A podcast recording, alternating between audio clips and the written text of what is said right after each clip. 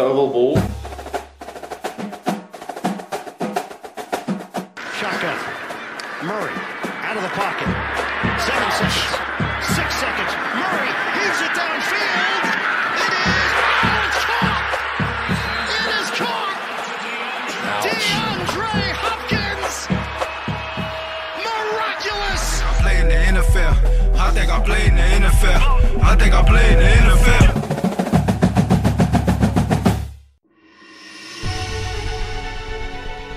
Hjertelig velkommen til Oval ball.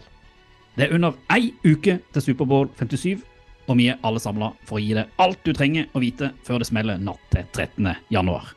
Og jeg har en snikende følelse av at dere der ute også vil få en god del dere ikke trenger å vite i løpet av denne sendinga, eller hva, Kenneth og Stian? Det er jo sånn det er i oval ball. Nyttig og unyttig informasjon. Ikke sant. Stian, noen av vi skal med øre at du har en overraskelse til meg og Kenneth òg i løpet av sendinga. Det stemmer. En Superbowl-overraskelse. spenstig, og ikke minst, oval ball er blitt en del av en familie. Vi er ikke enebarn lenger. Men nå må vi bare kjøre på for å prate om sesongens siste og største kamp. Eller snappen gå Superbowl til folket. Superbowl til folket. Superbowl to the people. First thing first. Det er ikke det det heter. For, for, for, Det første først. Første først. Vi er ikke foreldreløse. Vi er ikke enebarn lenger. Vi har, vi har fått familie. Vi har fått en eier. Vi har fått en eier. Ja. Det Vi har eieren, er vi ikke eier, eieren er eier? Er det ikke sånn det er? Jo, jeg er blitt pappa. Jeg er blitt pappa av huset, mens dere er mine barn. Men vi har da blitt en del av moderne media-familien.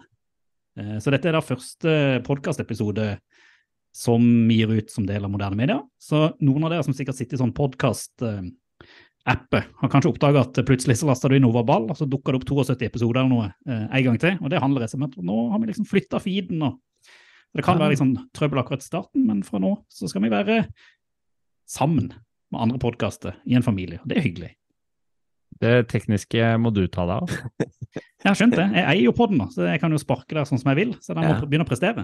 Jeg føler jeg har vært på vei ut eh, såpass lenge nå at når eh, vi skulle bli en del av dette her, så tenkte jeg kanskje at dere hadde tatt med Sander på råd. For jeg jo ikke, var jo ikke med på noen mailtråd der som dere drev og diskuterte, men eh, Ja. Jeg har tatt med Sander på råd, ja. ja, det er bra.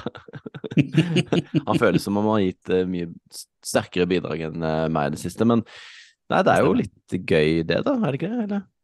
Jo, det er jo hyggelig. Det er liksom, eh, for vi, eh, Hvis vi vil, eh, hvis du kommer deg til Oslo en gang, Kenneth, så har vi plutselig et studio som vi kan møtes istedenfor å sitte på et hotellrom. Det er jo en pluss.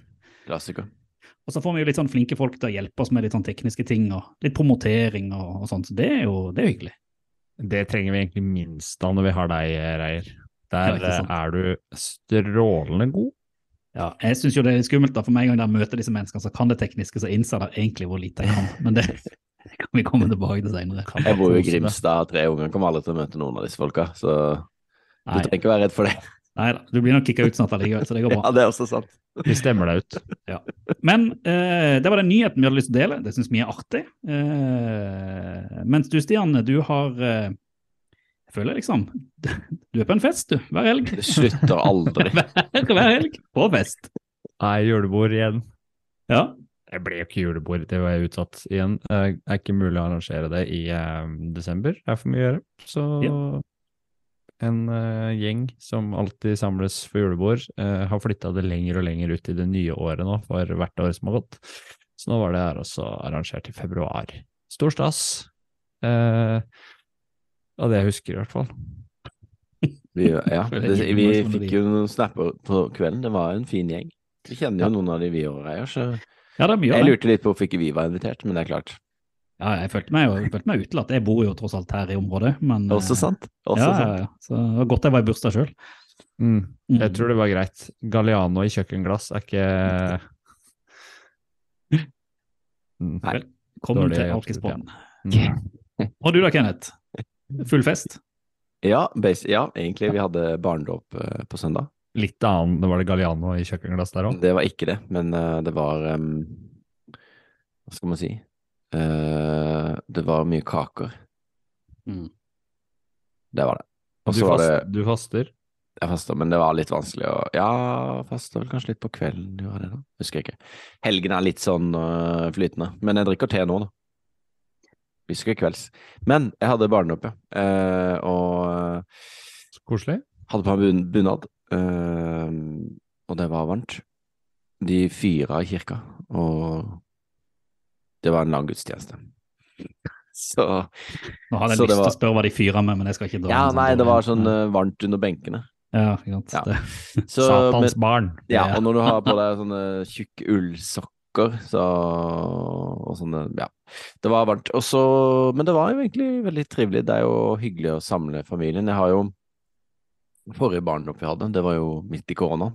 Da var det jo liksom uh, Snakka litt om det på den festen, at det var, da var det sånn Oi, vi, vi kan bare Eller vi, vi kan bare 20 stykker, liksom. Men så ble det 21, da. Det var sånn Shit, liksom, tør vi å Tør vi å ha 21 stykker hjemme, liksom? Det var Og det er jo bare det er bare to år siden, ikke sant? Ja.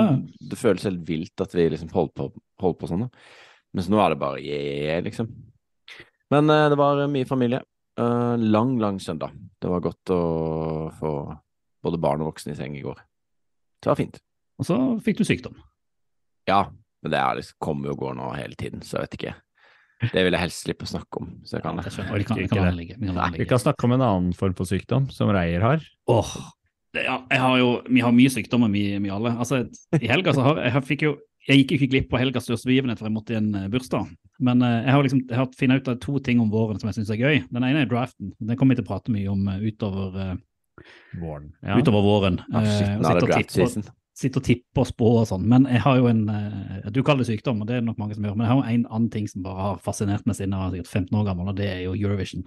Melodi Grand Prix. Jeg Elsker det. Jeg føler jeg jeg kan bidra nå, for jeg så Hæ? det på lørdag. Ja, ikke sant? Ja. Nydelig. Norge sender jo eh, selvfølgelig det beste bidraget de kunne sende til Europa. Full, eh, full pupp, skulle man til å si der. Eh, men det som begynner å bli gøy nå, det er jo det når, når det blir det internasjonale. Når du skal ut og plukke, la oss si, piksa fra de ulike landene, hvem som gjør det, gjør det bra. Ja, ja. Og dere vet jo at jeg er ekstremt dårlig til å tippe. Men nå skal jeg, nå skal jeg legge inn en, en, nå skal, nå skal jeg legge inn en helt sånn vill spådom her, og så skal vi, kan vi ta, liksom, ta den opp igjen, la oss si sånn midten av mai, slutten av mai, eh, og så skal jeg gi dere et lite sånn snapshot, dere som sitter og hører på dere etterpå, litt om hva jeg, hva jeg mener. Men jeg tror en av de aller største overraskelsene denne våren, det blir at folk går rundt og synger på dansegulvet på finsk rapp i slutten av mai. Mark my word. Ja. Jeg, finsk rap har jo dominert norske hitlister før, selv om det var på engelsk. Ja, men dette er på finsk. Ja. Jeg er ikke fremmed for tanken. Nei?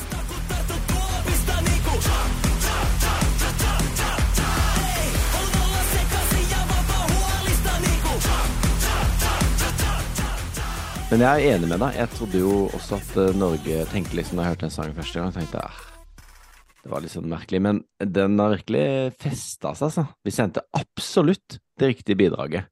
Jeg har litt troa på Norge, altså. Er det feil? Nei, det er ikke feil. Det er helt riktig. Men nå ser jeg at Stian snart eksploderer her, så nå bør vi vel kanskje gå videre til å prate om det vi egentlig nå skal. må vi ha temabytte.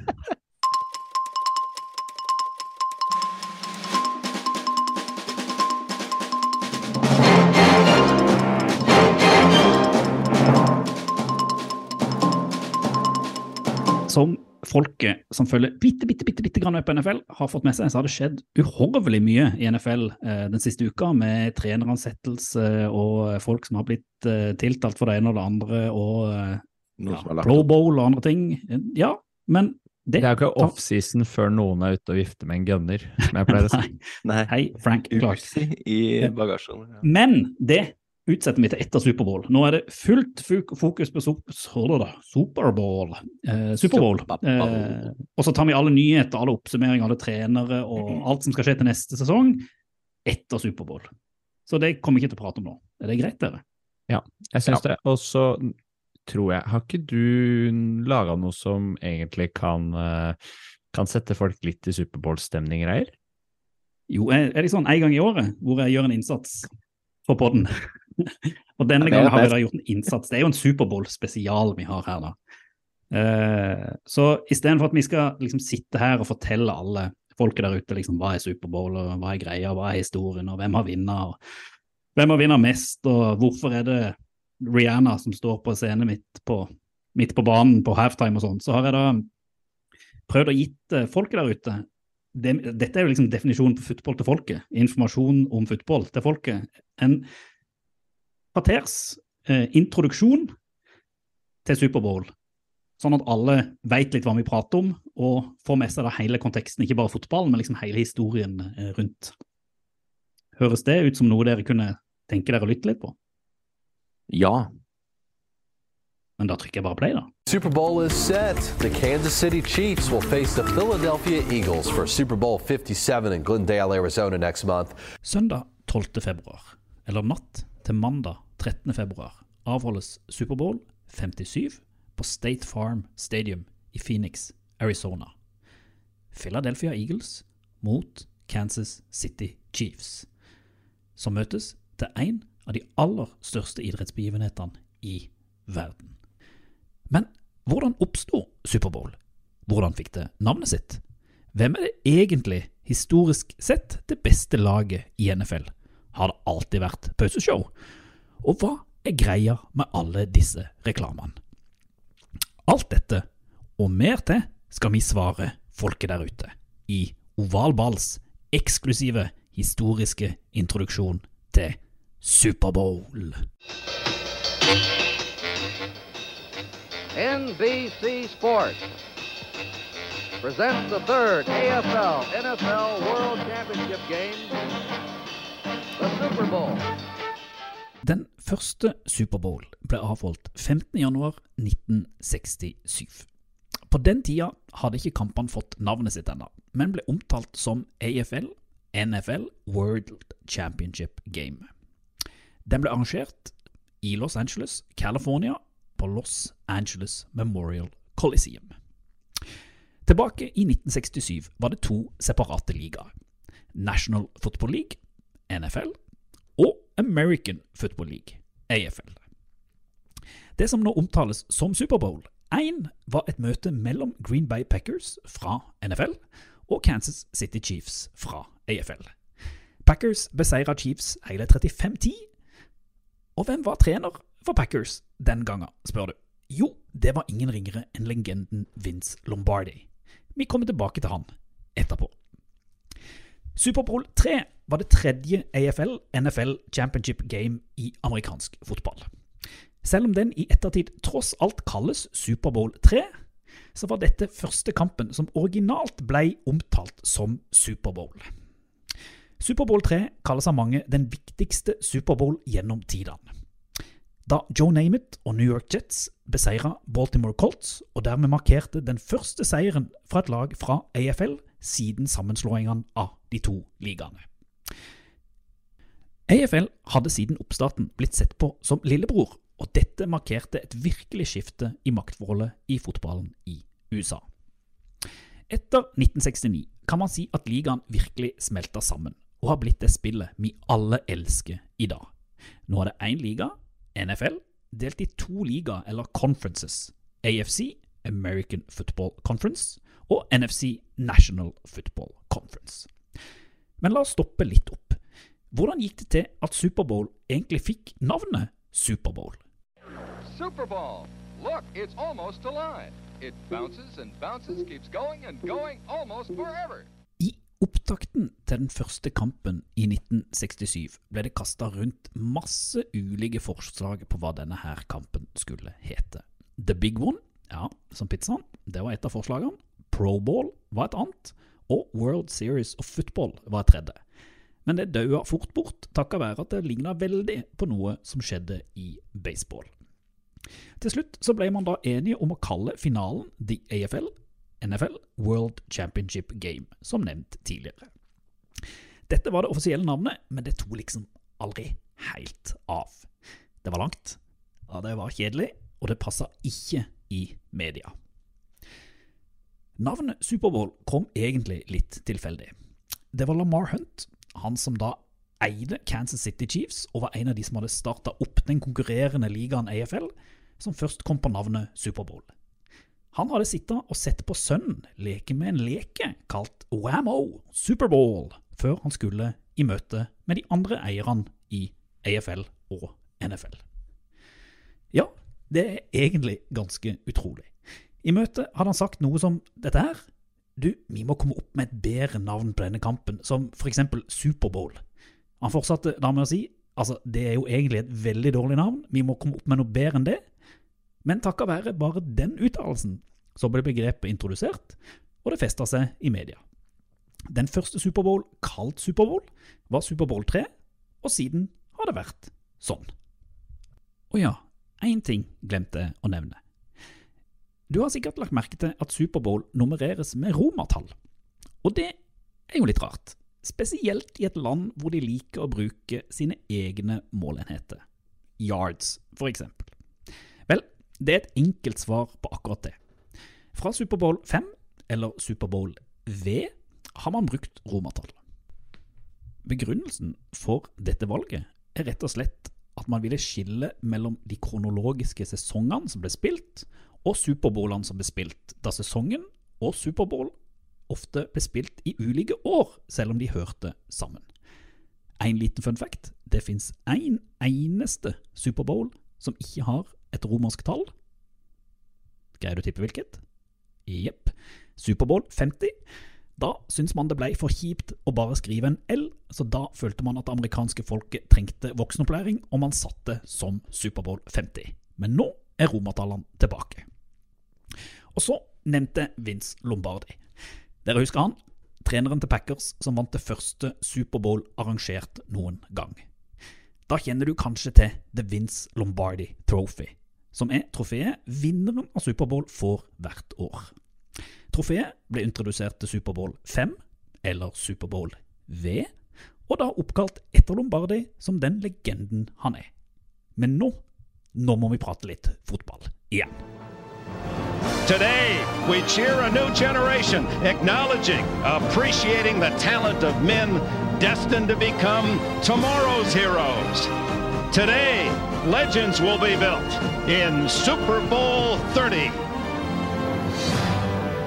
Har vært mange dynastier i NFL. Prater vi om 70-tallet, er det ett lag som skiller seg ut. 70-tallet tilhørte Pittsburgh Steelers, med hele fire seire. Raiders overtok nesten tronen med tre seire i slutten av 70-tallet og starten av 80-tallet. Men det store dynastiet på 80-tallet var Joe Montana og San Francisco 49ers med fire seire der òg. Beveger vi oss inn i 90-tallet, så blir vi introdusert til America's Team og Dallas Cowboys, som tok tre seire tidlig på 90-tallet. Det dynastiet ble avløst helt på slutten av 90-tallet av Denver Broncos, som tok to seire på rad rett før vi går inn i et nytt årtusen, år 2000. Og da er vi inne i et nytt dynasti, 2000-tallet. Og det har vel egentlig tilhørt ett lag og én mann, New England Patriots og Tom Brady. Tre seire på 2000-tallet pluss et surt tap. Ja, det tapet for Eli Manning og Giants. 2010-tallet kan man vel òg si tilhørte Patriots, og ikke minst Brady, som tok tre seire mellom 2015 og 2019. Og Brady toppa det hele med å vinne med Bucks, selv om det strengt tatt ikke er en del av 2010-tallet. Ja ja, det får så være. Totalt er det Patriots og Steelers som er de mestvinnende lagene i Superbowl, med seks seire hver, tett fulgt av Cowboys og 49ers med fem hver. Men vi kan ikke bare prate om vinnere. Buffalo Bills og Minnesota Vikings holder den heller triste rekorden i flest Superbowl-opptredener uten seier, med fire stykker hver. Philadelphia Eagles, som har kommet seg til årets Superbowl, kunne vært en del av taperstatistikken, da de i 2017 kom seg til sin fjerde Superbowl etter å ha tapt de tre første. Men for de som husker Nick Foles og Philly Special, så vant Eagles Superbowl 52 og slo Tom Brady og Patriots i en forrykende finale. Kansas City Chiefs har vunnet Superbowl to ganger, først i 1970, og så Patrick Mahomes' eneste seier i Superbowl 54 mot San Francisco 49ers. Og så har du lagene som aldri har kommet seg hele veien. Det er fire lag som aldri har opplevd å se pauseshowet fra sidelinja. Det er Cleveland Browns, Houston Texans, Detroit Lions og Jacksonville Jaguars. Men når vi prater Superbowl, så kan vi ikke bare prate fotball. Det er så mye, mye mer. For ja, dette pauseshowet. Hvordan oppsto det egentlig? Og hvordan har det blitt så enormt stort?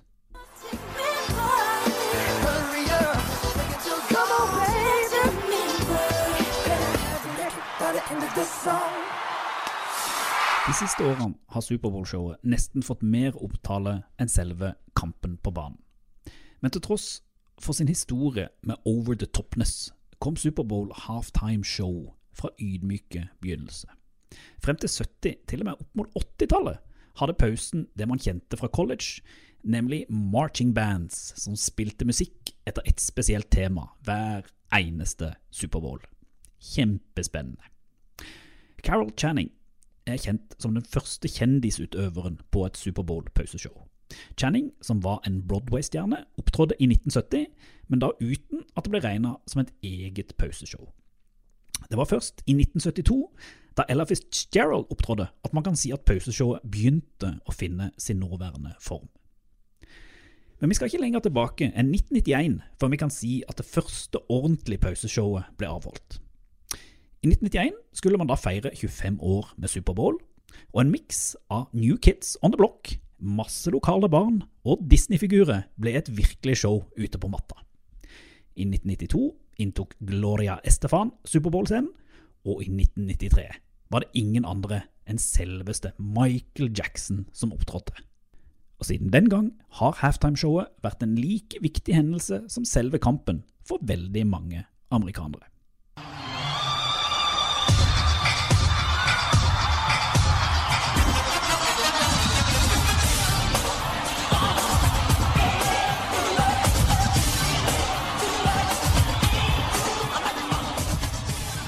I Norge er vel nesten Superbowl mer kjent for puppen til søstera til Michael Jackson, Janet, da den ble flasha i 2004. Kanskje ikke overraskelse, men vanligvis er det enda flere seere på selve pauseshowet enn på kampen når man leser TV-statistikk fra USA. Og hvem leder foreløpig pauseshowkampen? Jo, det er Katy Perry sin opptreden fra 2015 som ble sett av 120 millioner mennesker tett fulgt av Lady Gaga i 2017, som ble sett av 117 millioner. Det er spennende å se hvordan Rihanna sitt comeback til offentligheten vil gjøre det i årets Superbowl, når kampen er kommet halvveis.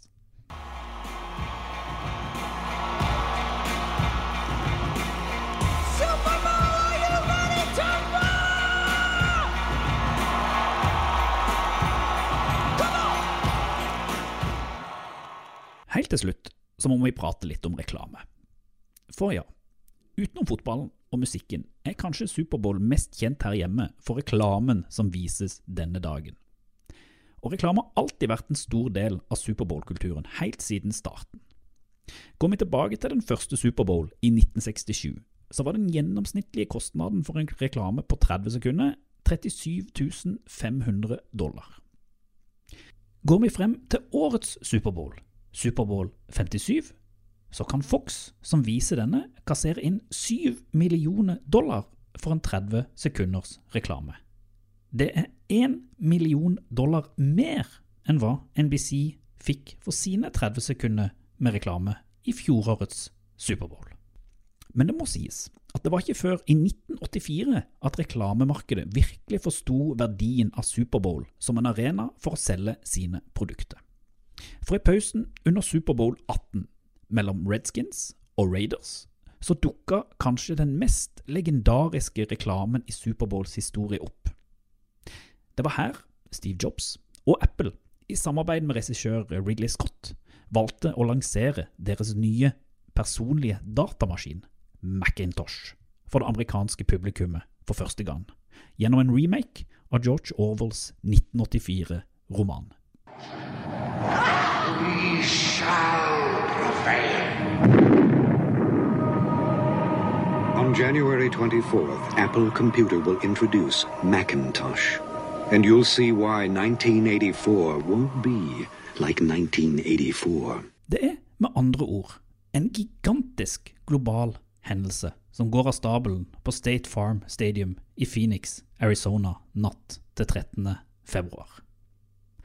Og selv om det for oss i oval ball dreier seg om Philadelphia Eagles mot Kansas City Chiefs, Jalen Hurts mot Patrick Mahomes, så er det ikke bare fotball Superbowl handler om. Det er rett og slett et speilbilde av amerikansk kultur, samfunn og ikke minst tidstrender som viser seg ute på matta og gjennom TV-sendingene til over 180 land verden rundt. Det, det er virkelig fotball til folket i global forstand.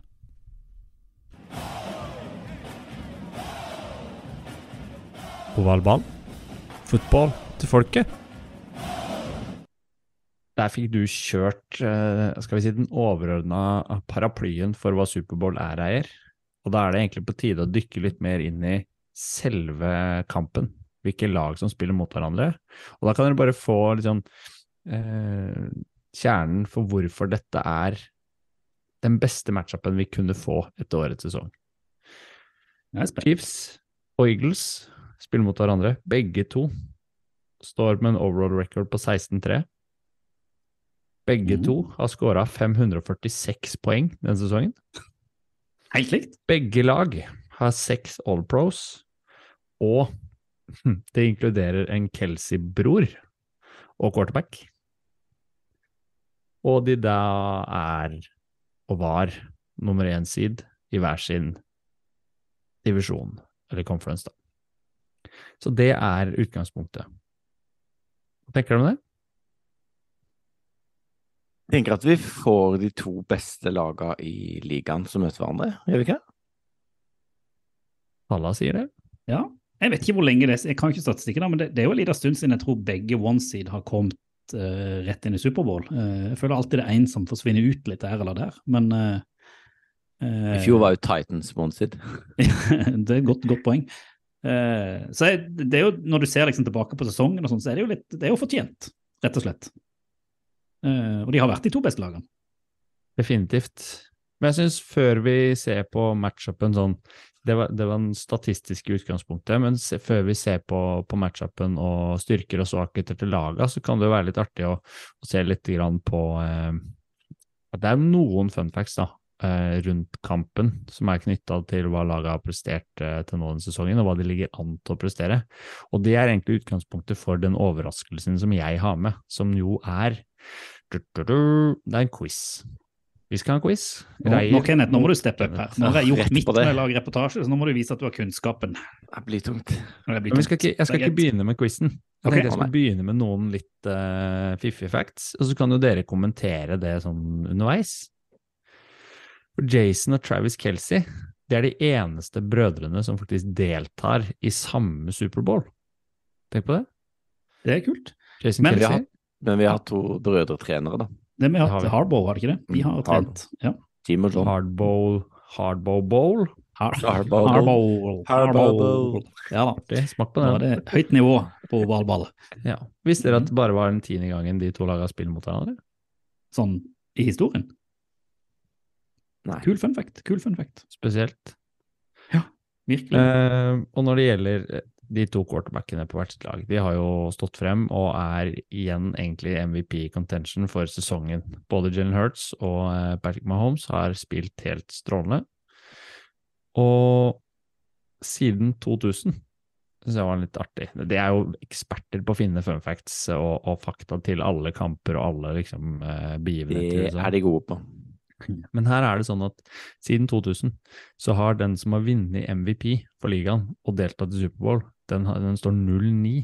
Altså ikke oh, vunnet en Superbowl siden 2000. Og nå kan både Hurts og Mahomes vinne, altså MVP-tittelen. Og da mm. ligger vel vedkommende an til å tape Superbowl, da. Det er da det er skummelt å si at Mahomes ligger vel veldig godt an, sånn som han har skjønt på Pro Bowl-voten til å ta den. Mahomes vinner, jo, vinner, vinner MVP. Ja, så da er det bare å legge alle pengene på, på Eagles da, Bårdsen. Det blir det. Du ja. får den fint tilbake. Ja. Mm. Og i tillegg er det noe som taler mot Mahomes. Da. Han har flest passing yards eh, sesongen som gikk. Mm. Og det er ingen til nå, QB, som har vunnet flest passing, yard, eh, eh, flest passing yards fra sesongen, som har vunnet Superbowl samme sesong. Ja, Det er jo gøy, da, for enten så gjør Mahomes det han har gjort liksom hele livet, han bare shreds expectation og bare endelig liksom fucker opp statistikken, eller så tar statistikken han eh, inn i samme rute som alle andre. Veldig kult, egentlig. Det er, ja. Og så har det når vi holder oss liksom til eh, angrep, da, så er jo, eh, og forsvar, så er jo eh, Eagles forsvaret. Det er det eh, forsvaret som har tillatt eh, minst passing eh, i år, med 179 yards per game, som det heter. Og den leder jo Chiefs, de har flest, men historisk sett, når de to laga med mest eh, med best passing yards og færrest tillatt passing yards har møtt hverandre i Superbowl, så har det beste forsvaret vunnet 4-0. Defense wins championships, er det ikke det de sier? Mhm, Det er helt riktig. Men jeg syns jo i år at kanskje Chiefs har et bedre forsvar enn det vi har sett på en stund. Ja, Så- Vi kan komme litt tilbake til det etterpå, for der har, en litt sånn artig, har jeg jo noe artig statistikk jeg kommer over som vi kan, vi kan se på.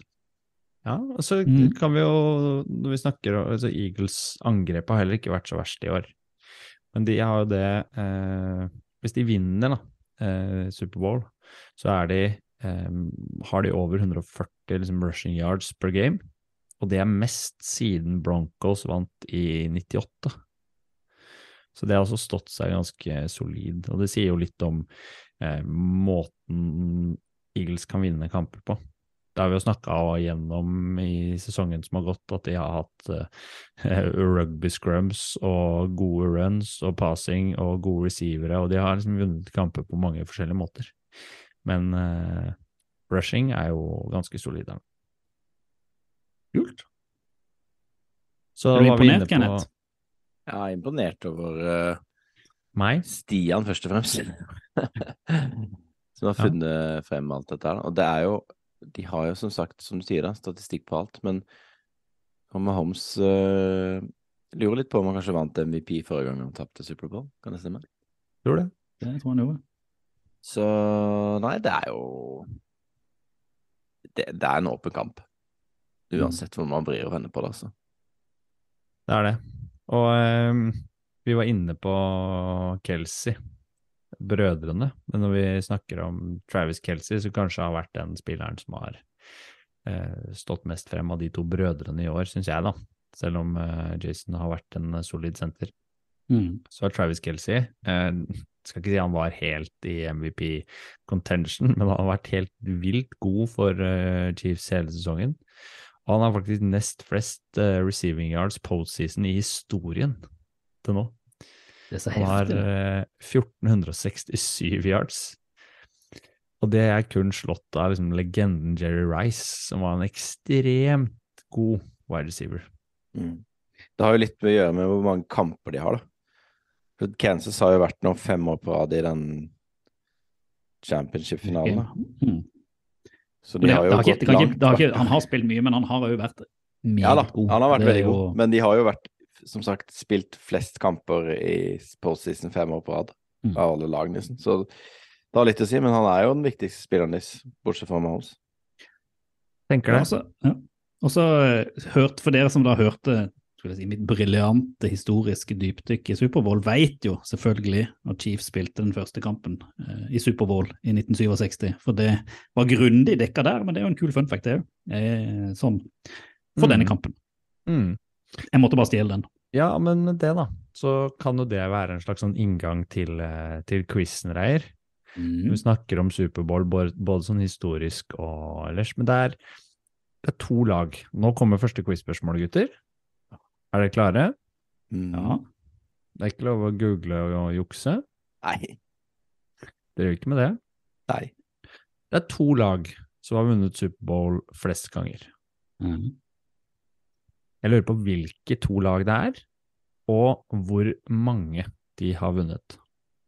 Nå får jo lytteren der ute dette gratis, for dette her, og jeg vet jo dette, for dette ble jo spilt av i stad, Kenneth, så nå er spørsmålet om du husker det. Eh, De har seks seire hver, Mm. og det Ja, det var jo og det er Steelers og det er Patriots. Patriots, ja. ja. Mm. Den kan jeg jo, for den, den, den ligger inne. Ja, du Ja. Det, det er jo en hukommelsessjekk, da. Ja, Takk. Og vet dere da også hvor mange lag som enda ikke har vunnet Superbowl? Fire. Nei. Men det, det, dette kunne vi, hvis vi hadde hatt litt tid, så hadde vi klart det. Ja, Det er vel fire som ikke har vært i Superbowl, Og whatever. Og så har du jo da en del som har tapt i tillegg. Eh, Ja, for det er neste, det er neste spørsmål, ikke sant? Det er jo Ja. hvilke fire lag er det som ikke har vunnet eh, Eller ikke har deltatt i en Superbowl i det hele tatt? Du vet nå at du nå egentlig bare gjentar helt alt som jeg har sagt tidligere, og så skal jeg da liksom prøve å huske dette tilbake. Mm. Det er jo Eh, artig ja. å teste hukommelsen deres. Ja, det, er de må ha denne her. Eh, eh, Jacksonville har vel aldri vært en Superbowl, i alle fall. Det er riktig. Lions tror jeg heller aldri har vært en Superbowl, har du? Eller har de tapt den? Det følte jeg, jeg har sjekka dette her når jeg skrev reportasjen. Det? Ja. Eh, nå står det jo eh, Jeanette, hva husker du? stille når jeg lagde dette her nettopp. Jeg har ikke peiling. Titans? Nei.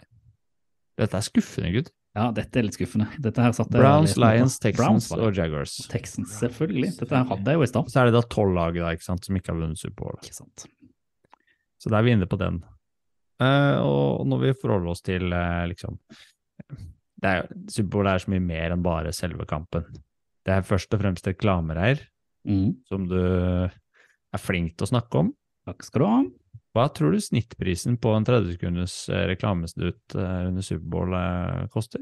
Hva, hva er det? Akkurat nå er det mellom 6 og 7 millioner dollar. Kenneth? Sju mil. Sju mil? Ja, det er helt riktig. Det ligger på Det er så 6 og 7. Det er helt sjukt. solid. Det er så sjukt vilt. 30 sekunder. Ja. 70 mil, liksom. Én mil fra i fjor. Da var det seks. Nå er det når man sitter og ser på reklamene, hvor mye de eh, firmaene har betalt for å få deg gjennom. Men du får at- kjøre du, du får lyst til å kjøpe pickup trucks, da. Jeg merker at du er lærer, Stian, for det du egentlig gjør, det er at du sånn OK, nå, må der, nå har dere diktat, eller nå skal dere høre dette, og så skal jeg stille quiz om det dere har hørt. Ja. Eh, litt irriterende for meg når jeg tross alt lagde dette her og ikke husker alle svarene, men det er greit. Jeg syns det er kjempegøy. Skal vi se om dette her var med. Stillinga av fjorårets Superbowl mellom Rams og Bengals. Eh, gutter? Stillinga Mm. Jeg husker ikke. eh, Low scoring game, var, ikke sånn, var det ikke sånn lavt, lavt? Ja, eh, altså Rams vant. Uh, kan det ha vært, liksom 2013 eller noe sånt? Du, du er i nærheten av noe. Det var ikke så veldig mye poeng i den kampen. Nei, Aaron Dollen vant den kampen. jeg gjorde det. Eli Apple vant den ikke. Nei. Husker du? Nei, det ble 23-20 til eh, Rams. Ja, 23-20. Ja, det var såpass. Mm. Ja, ja. Ikke sant. Og, Så fort også inn i glemmeboka. Mm. Ja. Mm. Og så har vi jo i år fantastisk pause- pauseshow. Vi vet jo at eh, pauseshowet er jo dratt ut med en halvtime, istedenfor at det var et eh, kvarterish eh, som vanlig pause gjør. Mm.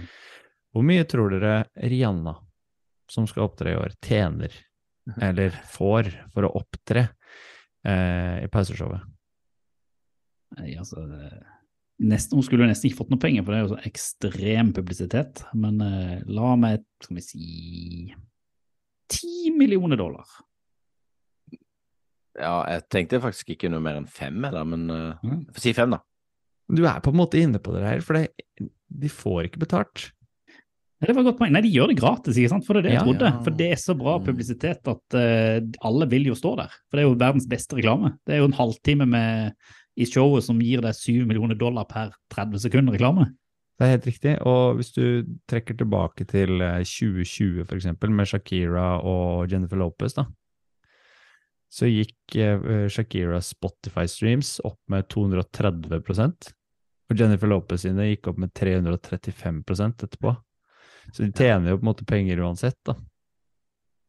Ja, og jeg vet jo nå at Rihanna skal Dette er jo kickstarten på hennes store Grand World Tour nå etter å bli mor, så dette her er jo promo, promo, promo. Jeg tror det blir ganske fett show. Jeg tror den blir dritkul. Ja.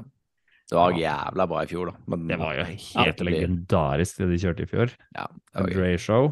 Jeg tror det blir enda bedre i år. Dette her tror jeg blir eh, eh, ja, en av de bedre. Dere skal få en siste, et siste spørsmål. Eh, og det er jo hvor mange fotballer får hvert lag utdelt før kampen? 20. Åh, det var akkurat det jeg tenkte òg. 20. 20? Mm. Jeg aner ikke. Jeg bare, det var bare tippa. De får faktisk utdelt 108 fotballer før kampen hver. Hvorfor 108? Er, det, er det ikke en tusing per ball, da? Sånn som det er i Premier League? Det er Sikkert. 108 000 Da er det sånn at 54 av de fotballene er øremerka liksom, trening, og okay. resten skal brukes på matchen. Ja, Hva mener du? Eh, Utdelt før kamp? Altså sånn samme dag, liksom? eller? Ja, det sto bare utdelt til kamp, og da vet jeg ikke om de skal bruke Jeg tipper at de ikke brukes på trening dagen før, liksom. De brukes jo den dagen. Så de har jo sikkert en haug bare liggende. Så leste jeg altså et sted at det må være en helvetes jobb når de skulle deflate dem til uh, Deflategate, uh, som Tom Brady kjørte. Ja, det er sikkert der bevisene kom. Står der inne på rommet og bare dør i sånn ballrom av NFL-baller.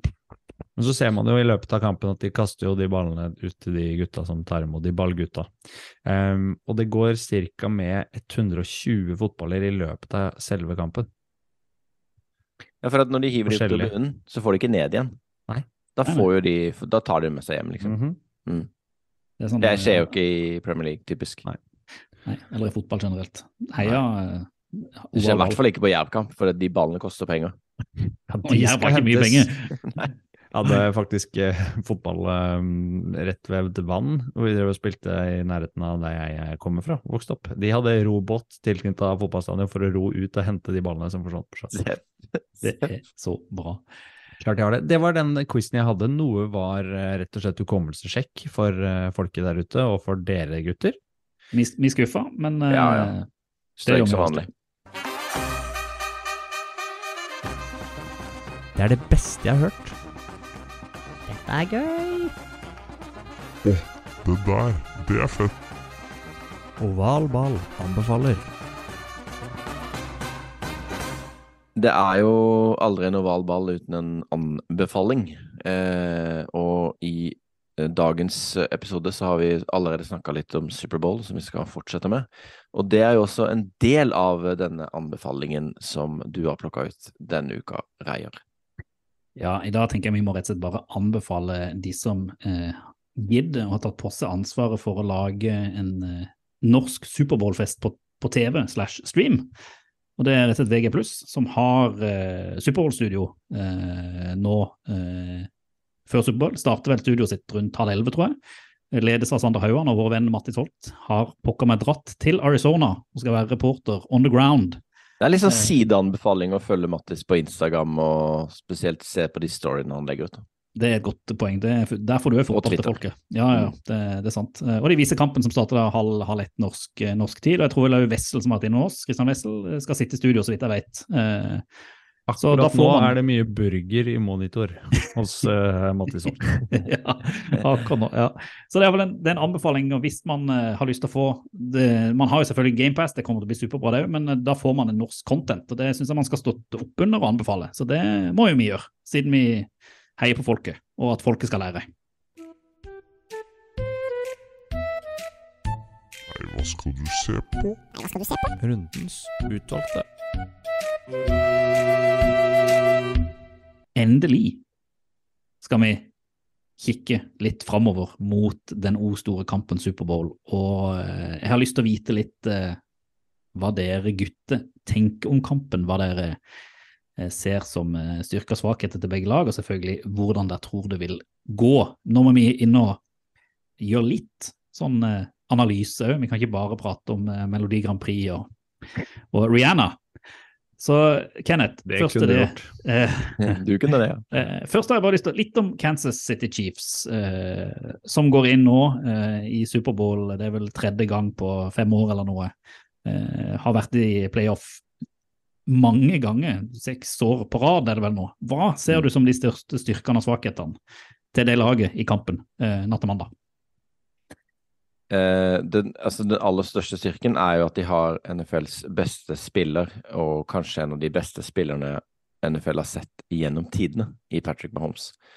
Eh, som er eh, bare helt eh, ja, gudelignende. Han er jo fantastisk å se på. Han er aldri på en måte i boksa inn i et hjørne. Han finner alltid veien ut, eh, enten det er med beina, eller det er med en underarmspasning, en shuffle pass, en eh, lang, dyp ball, eller eh, noen korte greier til running backen. Altså, det er veldig vanskelig å Ja, det er rett og slett veldig vanskelig å stoppe han.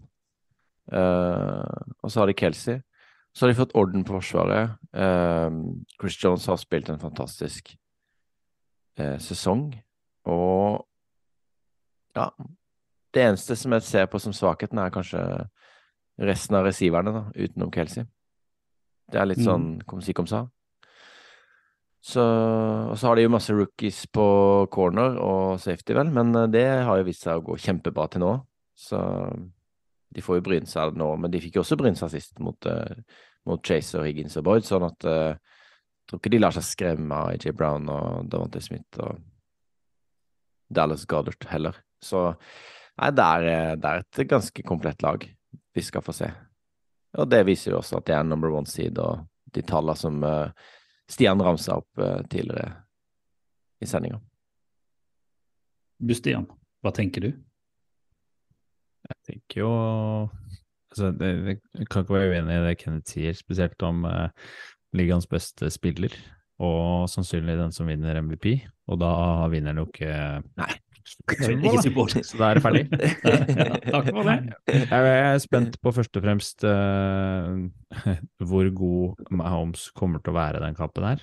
Uh, de møter et solid uh, forsvar, som vi skal snakke litt om etterpå. Men han fikk jo kjørt seg mot Altså sist han spilte Superbowl, mot Tamper Bay Buccaneers, og møtte et veldig solid pass rush og aggressivt eh, forsvar der. Eh, Og hvor skada er han, da? Det er jo liksom på en måte fortsatt litt i det blå. Ja, det er en uvisst. Eh, han klarte seg jo veldig fint i forrige match. Har fått litt ekstra hvile nå før dette her. Sto over flag football-kampen som ble spilt i Las Vegas nå i helga. Skulle bare mangle. Mm. Men de har en bra, de har en bra sånn eh, indre linje, vel, med Tooney og Creed Humphrey og han andre Garden som jeg ikke husker navnet på. Uh, så hvis de klarer å stoppe liksom Hargrave og Allegretti, tenker du på? de andre ja, Brown har vært god. de andre, Men de er liksom gode, de er veldig gode sentralt, da. Sånt, Mm. uh, Andrew Wiley har vel kanskje spilt en av sine bedre sesonger. Mahomes er på en måte Han er jævla god til å se rushet fra sida, ikke sant? Mm. Eh, forutse det. Og så det er bare, Vi må bare håpe at de ikke, en, at de kan få en sånn trøkk 16 etter 15 sekunder, ikke sant? Sånn at vi sitter der sånn og ser liksom Chad Henny en hel Superbowl. Det er på en måte Det hadde vært skikkelig, skikkelig nedtur. Så, så vi får bare håpe at han holder seg på beina, at han ikke får for mye trøkker. Men Mm. han skal få det hett rundt øra, tror jeg. Jeg tror det, altså. Men Mm. jeg tror samtidig at uh, hvis man ser på Du snakka jo ned uh, altså receiverne. De har kanskje ikke de store toppene som, som Eagles har, eller som, som uh, Chiefs har hatt tidligere. Jeg syns samtidig at de står veldig jevnt, da. eh, med Sky Moore, som har spilt seg gradvis varmere og varmere i trøya. Kaderius Tony, som de trada inn rett før deadline, som har sett ut som en Jeg er spent på om han er skada òg, forresten. Han sleit jo litt mot av uh, sist. Det var mye receiver som sleit den forrige Ja, kampen. Juju Smith-Schuster sleit litt, Mm. og McCall Hardman har vært skada lenge. Hardman er vel, eh, ble vel ruled out, tror jeg. Mm. Mm. Og så er det Marcus uh, Valdes Scantling da, som uh, ble trada inn før sesongen fra, fra Packers. Så de, de har jo mange forskjellige typer. Uh, noen raske, noen gode uh, slot runners, og så har de noen ut, på utsida. Men det viktigste er jo hvordan Mahomes klarer å finne de, da. Eh, og- Men det er sånn, du sier at det er jo Travis Kelsey som Han er på en måte ball receiver under tight end. Altså, Ja, han er det var go to liksom guy. poenget mitt, det er ja. go to når de skal eh, gjøre det som ikke står i playboka. Ja. Og de kan bli nødt til det ganske ofte mot et såpass godt forsvar som de, som de møter nå. Og jeg syns jo det er en annen styrke ved det laget. Eh, er ikke noen av de gutta som står på banen, men det er han som står og coacher på sidelinja. Som er eh, en av de mest rutinerte. Eh, og jeg tror han, når han har stått tidligere Eagles-coach. Nettopp. Og han har Mm, vunnet mm, mot, så jeg i stad, han har vunnet som Chiefs-trener, så han har vunnet tre uh, av tre kamper mot eh, Philly. Og som Philly-trener så har han vunnet tre av tre mot Chiefs. Kul stat. Så han eh, Han er jo Ubeseiret, kanskje Ja, veldig slu rev. Og, Mm. og til sammenligning med Nick Sirianni på, på motsatt side, som ikke har eh, stått i de situasjonene her før, og kanskje kan bli grepet litt av stundens alvor, så er jo Reed også kjent for å mikse rapp når uh, sluttspillet går, og de fortsatt ikke har vist kanskje sitt sanne jeg, da, Chiefs. De har alltid liksom spart på noen plays og spart på noen eh, kombinasjoner som ikke de har kjørt eh, tidligere i sesongen. Mm. Så jeg er veldig spent på å se først og fremst angrepet til eh, Chiefs, som jeg tror er et par knepp opp fra Eagles sitt angrep. Eh, og så må Forsvaret levere minst på det samme nivået som de har gjort hele sesongen, for å være i stand til å matche, matche Eagles. da. Spesielt eh, på corner, med nå var ble vel Jerry Sneed skada sist, eh, og han har vært superviktig mot eh, mot uh, motstanders uh, receivere. Og da må f.eks. Trent McDuffie, da, rookie, må stå opp og levere på, på sitt aller ypperste for å matche, matche gutta til Eagles. Da syns jeg dere har treffet, lagt, en god ramme for Chiefs. Da må vi litt videre til Eagles, og jeg stiller egentlig samme spørsmål til, til det der, Kenneth. Eh, Litt sånn overordna. Hva, hva ser du av styrke og svakhet i det Philadelphia Eagles-laget? Jeg tror kanskje det, det laget er enda mer komplett enn Kansas sitt, da. Eh, kanskje eh, Men det, Kansas har heller ikke så veldig bra run, eh, running backs. Eh, Eagles har jo OK running backs, men de har jo også en uh, veldig bra running quarterback. Og det er jo utrolig gøy å se Jalen Hurts, og, det, og dette snakka vi om liksom før sesongen. Han var liksom vår mann. Eh, og vi hadde troa på at han uh, kunne breake skikkelig i år, befeste plassen sin. Uh, og det har han jo gjort til gangs. Men han er jo ganske uerfaren sånn i forhold til Mahomes, da. Mm. Selv om Mahomes også er ganske ung. Og så Men de er bare De har en linje som er helt vanvittig. Lane Johnson, han Garden Nei, right tackle, han ble jo skada. Så kom han tilbake, og han er jo egentlig fortsatt skada, men han kommer til å spille Superbowl. Eh, selv om han har avrevet noe. altså, det høres helt sykt ut. Men, men han er viktig for dem, eh, og har vært viktig egentlig hele sesongen. Og så har de jo veldig bra cornere. Veldig bra bak der. Og så har de jo komplette receivere, bra tight end.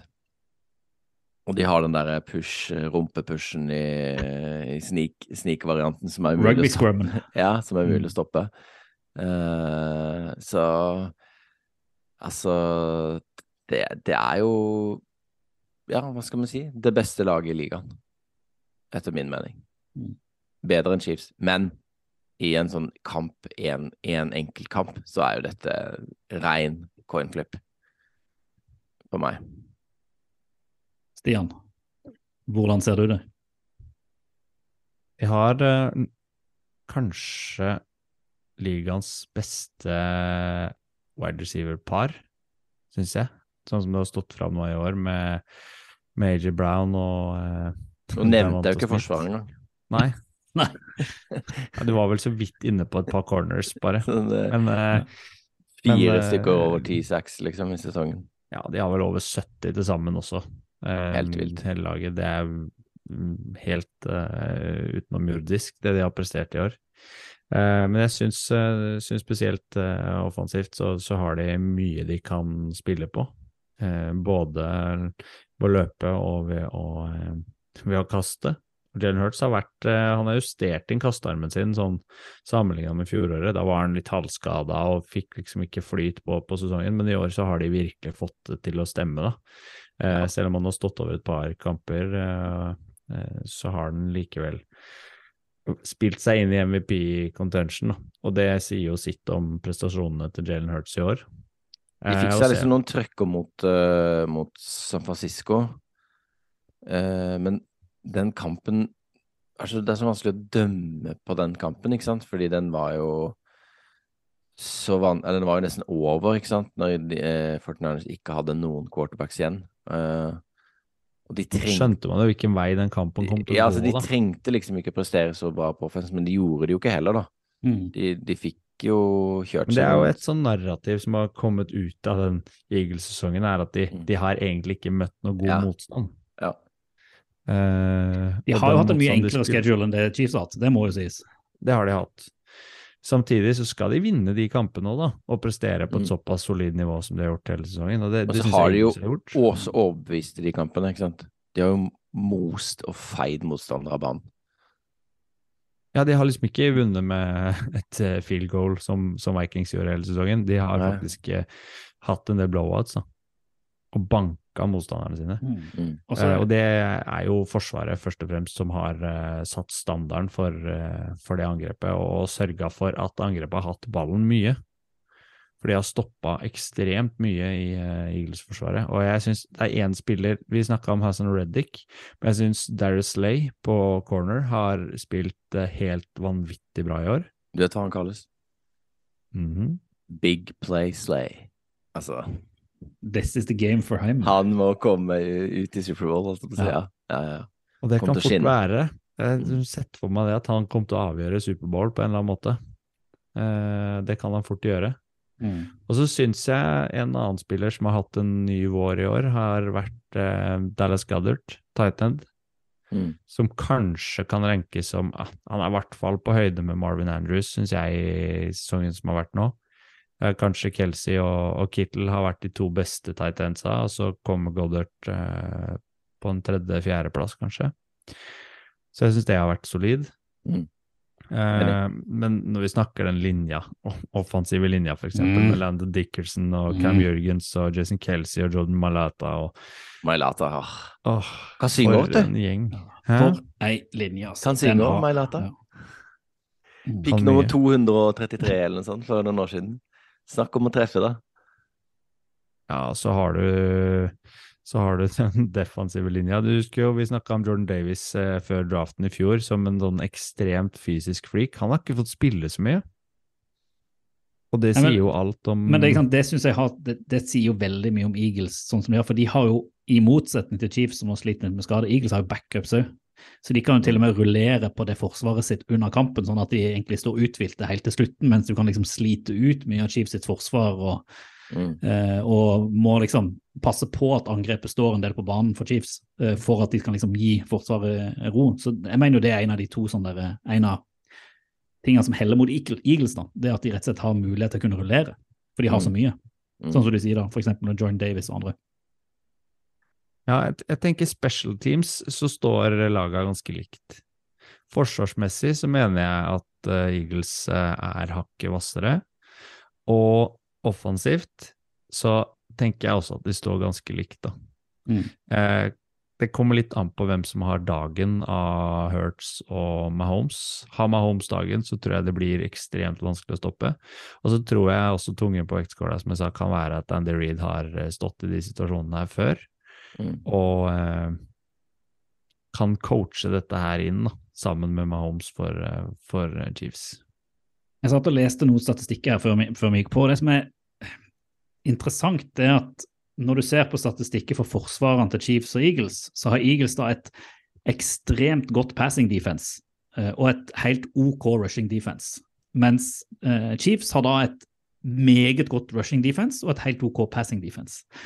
Og så er det jo det at det Eagles har vært veldig gode på, er å rushe. Det Chiefs har vært veldig gode på, det er å passe offensivt.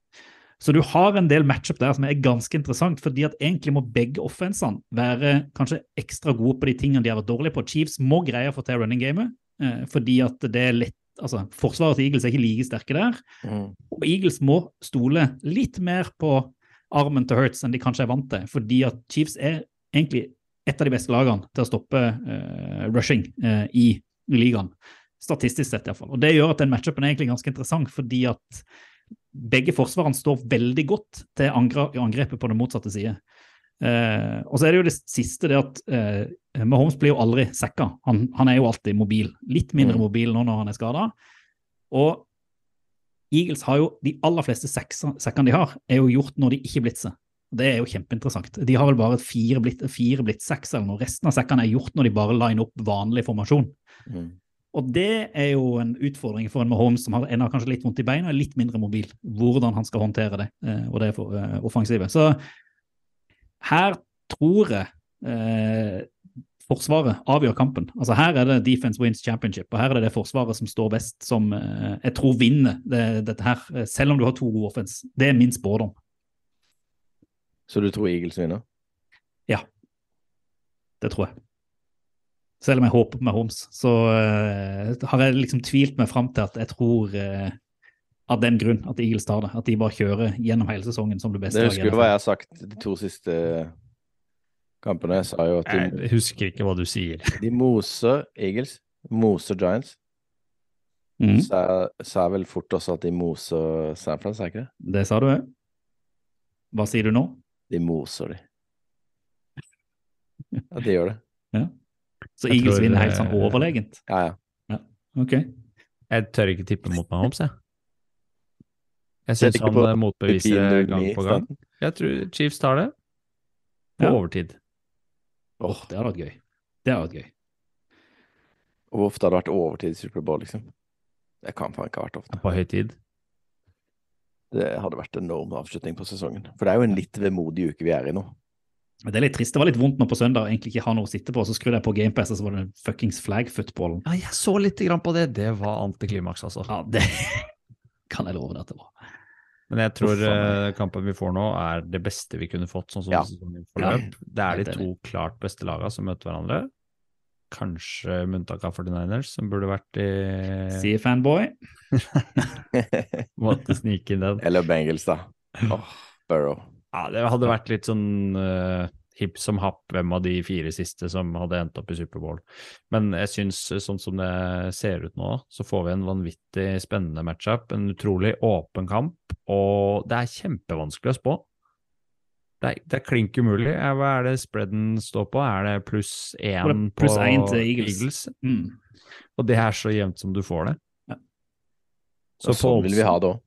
Hvordan ville du tippa her, eh, Reier? Hvis du skulle satt penger på noe? Du som er en uh, lurifaks. Altså, jeg kan jo, jeg har jo en tendens til å alltid tippe feil, men jeg tror hvis jeg skulle satt penger på noe, så hadde jeg sagt sånn der eh, Hvis jeg skulle hente inn minus Under altså, 46 eh, mål, Altså, ja, poeng, altså en low scoring game kunne vært et, et tips, men jeg, tror jeg hadde bare satt det på at litt sånn, Hvis jeg skulle tjene penger, hadde jeg satt på at Eagles vant med en, eh, med en touchdown. Bare for å dunke på. At de tar den i overtime eller noe. At de vinner med sju, iallfall. Ja. Mm. Jeg syns det er klinkåpent og kanskje var det, Opplevde vi det like åpent som i fjor? Ja, så Rams var vel større favoritt enn det Eagles er her, var det ikke det? Jo da. De, Bengals var jo en underdog. De var, de Ja, var liksom Jacksonville har vært i år. Og kom inn i Superbowl. som er favoritten, sånn utgangspunktet. Jeg tror Eagles er favoritt sånn oddsmessig med én. Ja. Ja. Eagles må være favoritter. Det er litt for mye usikkerhet på Kansas-sida, Mm. tenker jeg. Med Mahomes og med liksom Ja, hele den pakka der. Men da, da forstår jeg det sånn at vi og det, Kenneth, vi står på Eagles, og du står på, på Chiefs, Stian. Og så møtes vi her neste uke, og da kan den som har, eller den eller de som har tippa, kan få lov å hylle seg sjøl. Vi hyller jo den som vinner, tenker jeg. Ja, det er greit. Men Det er det vi gjør. Ja, altså, det vil, kommer vi jo til å gjøre. Det er jo helt åpenbart. Og det er jo det som er så deilig med den kampen her, at uansett hvem som vinner, så har jeg veldig troa på at det blir en god kamp. Og det er det vi vil ha, ikke sant? Ja, ja, ja. Football til folket, altså. I liksom I den siste kampen i sesongen. og hvis du har først har begynt å følge med denne sesongen her, sånn ordentlig, på grunn av VG-sending og mer publisitet og mer eh, norsk NFL-blikk, så får du liksom det ultimate nå servert på Superbowl. Jeg håper du tar deg fri på mandag og lader opp skikkelig. Vi leste også at det, det spises sånn ekstreme mengder. Er bare Thanksgiving som uh, topper uh, Superbowl i matinntaksmengde uh, mengde i USA. Tenk på det. Ovalball. Fotball til folket. Du nevnte vemodig, Kenneth, og det er jo litt vemodig. For nå står vi foran siste kamp i 2022-sesongen, som spilles nå om en liten uke. Superbowl. Og så må vi vente helt til september før vi kan prate om nye kamper. Men da har vi draft, og offseason og free Ja, ja, ja. agency. Ja, ja, ja, ja, ja. Ja, ja, ja, ja, ja. Skjer noe hver uke i NFL, altså. Gjør det. Men siden det er litt vemodig, og siden det er Superbowl-siden, så har vi tenkt å kjøre en eh, ikke- Og vi har fått en familie. Så må vi gjøre litt ekstra denne uka her, må vi ikke det? Tenker det. Ja, jeg tenker det. Så To episoder på en uke, eller? to episoder på en uke tror jeg vi må få til. Kan vi ikke det? Så, for det vi har gjort, er at vi har kontakta eh, våre kjente og kjære rundt om i dette landet, og bedt de rett og slett om å gi sine tips om hva de tror skjer i Superbowl.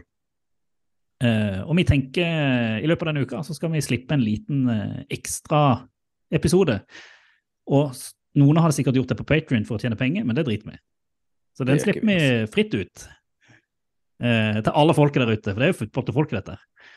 Eh, så jeg tenker med det, Stian, vi returnerer litt senere i uka med en liten, kort episode hvor vi har masse kule mennesker som dropper innom for å gi seg sine Superbowl-tips. Sånn at der får de òg før de setter deg ned og ser kamp på nattes til, til mandag. Det blir gøy. Kenneth uh, dukker sikkert ikke opp. Nei, han Tvilsomt. Meget tvilsomt. eh, Sander Jeg har gitt tippet. mine tips nå. Jeg har gitt mine tips nå. Du har det. du har det. Mos. Så, så våre tips lar vi ligge, men eh, resten av verden skal få lov til å dele sine tanker om eh, den største kampen foreløpig i 2023. Verdens største TV-begivenhet. Årlig. Og så tipper jeg vi møtes der neste uke for å prate om Rihanna, og kanskje litt fotball. Mest Definitivt. Rihanna skal jeg prate om. det, det gleder jeg meg til. Nei, men eh, takk for nå. Eh, jeg håper alle der ute nyter Superbowl eh, nå til helga. Og så eh, prates vi før du tror det. Superbowl og fotball til folket. Fotball til folket? Football til folket. Do the Titans have a miracle left in them in what has been a magical season to this point? If they do, they need it now. Christie kicks it high and short. Going to be fielded by Lorenzo Neal at the 25. Yeah, give it Pitches to- it, back to Wycheck. He throws it across the field to Dyson. He's got something. 30, He's got something. 50. He's got it. 40, He's got it. 20, 10. He's got it. five, End zone. Touchdown Titans. There are no flags on the field. It's a miracle. Tennessee has pulled a